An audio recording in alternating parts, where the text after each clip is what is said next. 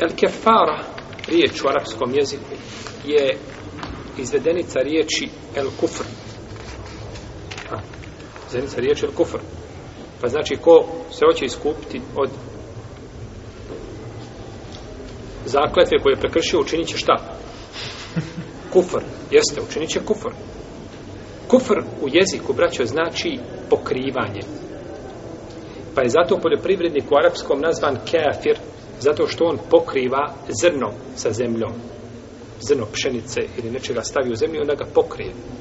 Pa je kuf tahtije, prekrivanje nečega. To je jezičko značenje. A terminološko je nešto drugo. Jel u redu?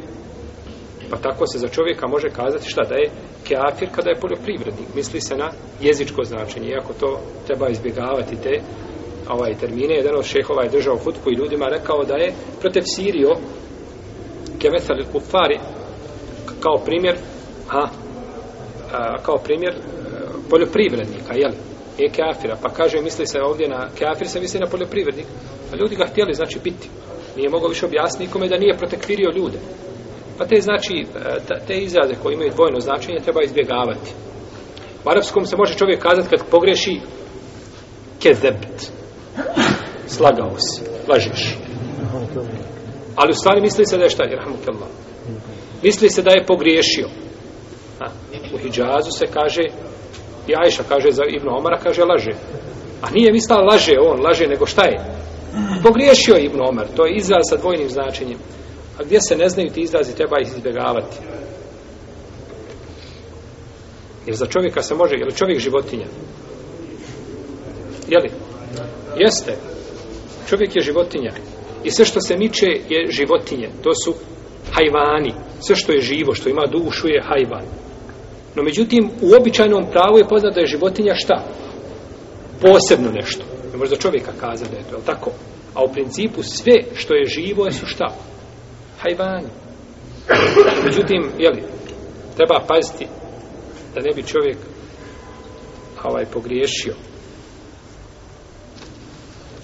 jedan je od, naših profesora držao predavanje šehova, od učenika šeha Albanija, rahimehullahu ta'ala, Abu Yusr, držao je predavanje i kaže dabe. U arapskom dabe je životinja. Isto.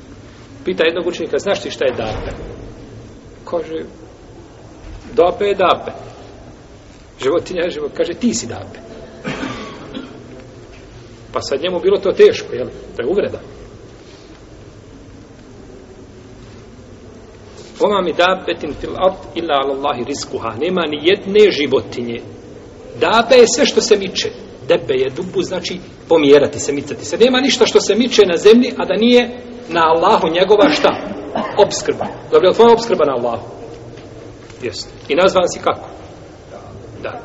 Znači nema u tome ništa, samo e, e, to, su znači izrazi koje treba primjenjivati tamo gdje gdje im je mjesto gdje će se shvatiti na ispravan način, a nikako među ljudima, znači koji mogu to razumjeti pogrešno, pa nakon toga teško je to ispraviti. Znači, el kefare je došlo od riječi el kufr, a to je pokrivanje. Šta se dešava? Čovjek koji je prekršio svoju zakletvu, on pokriva svoj grije čime?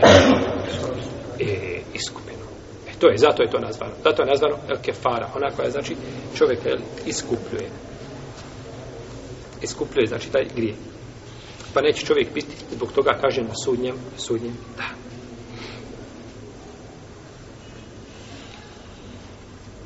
Iskup od zakletve koja se prekrši je potvrđen Kur'anom, sunnetom i konsensusom islamskih učenjaka. je Allah te barak kaže فكفارته إطعام عشرة مساكين من أوسة ما تطعمون أهليكم أو كسوتهم أو تحرير رقبة فمن لم يجد فصيام ثلاثة أيام ذلك كفارة أيمانكم إذا حلفتم واحفظوا أيمانكم كذلك يبين الله لكم آياته لعلكم تشكرون A iskupina, za onoga ko prekrši zakletvu je da nahrani deset siromaha sa srednjom hranom koju hrani, s kojom hrani svoju porodicu ili da ih obuče ili da oslobodi roba. Ako ne uspije naći, ko ne bude imao puta i moguće znači da ovo učini, neka posti tri dana.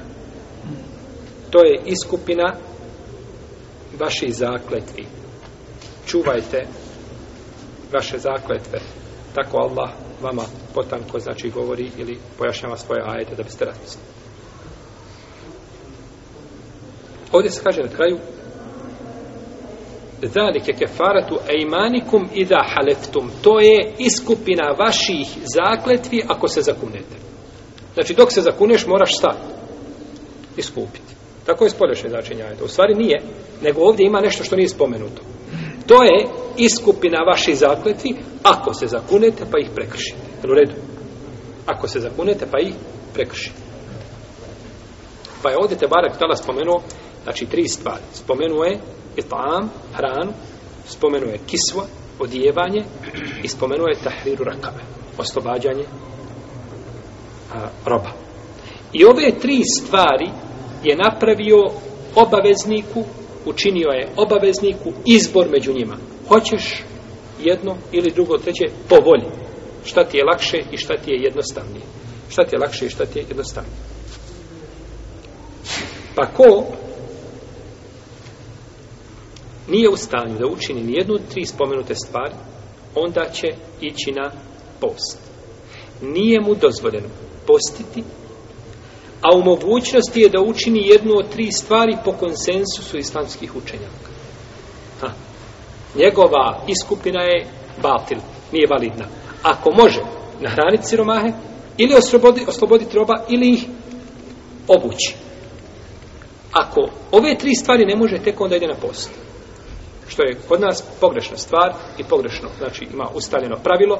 čovjek kaže nešto, vallahi neću, vallahi hoćeš, vallahi ne. Dobro, kaže, postići tri dana i hoću, nije problem.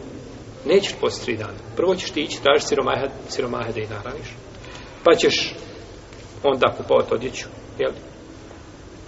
Pa ako odeš južnije da tražiš robova, da oslobodiš, ne smeta u redu? Iako nema, danas nema robova, skoro da ih nema, to, je, to su rijetki, znači pojedinci, to je taj, taj e, oslobađanje roba je e, teško s te strane, ali prve dvije stvari mogu sigurno. I ko je danas više obespravljen od muslimana, ko je više gladan od muslimana i ko je više a, neodjeven od, od muslimana. li tako? Pa ne smije se znači ići jer kaže uzvišeni Allah da fe kefaretu i tamo ašet mesakin na usatima to imu lehlikum evo kisatu evo tahriru rakabe ječit. Ove tri stvari, pa ko ne nađe?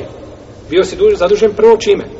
Sa ove tri stvari da izabereš. Pa ko ne nađe, e onda posti tri dana. I tako da tu nema nikakvih razilaženja zato što je ajet ovaj, e, e, e savršeno jasan jeli, da se radi o izboru u prvom slučaju, a onda nakon toga da se radi o zamjeni onome ko ne nađe.